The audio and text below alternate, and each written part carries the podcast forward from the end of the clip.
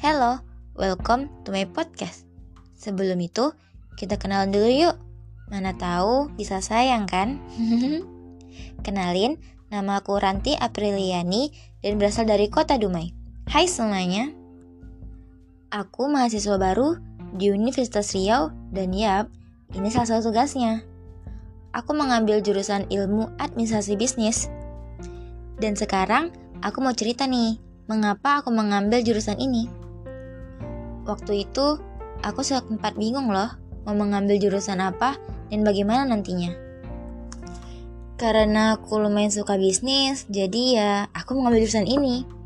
Dan semoga di jurusan ini aku bisa menjadi pebisnis yang hebat.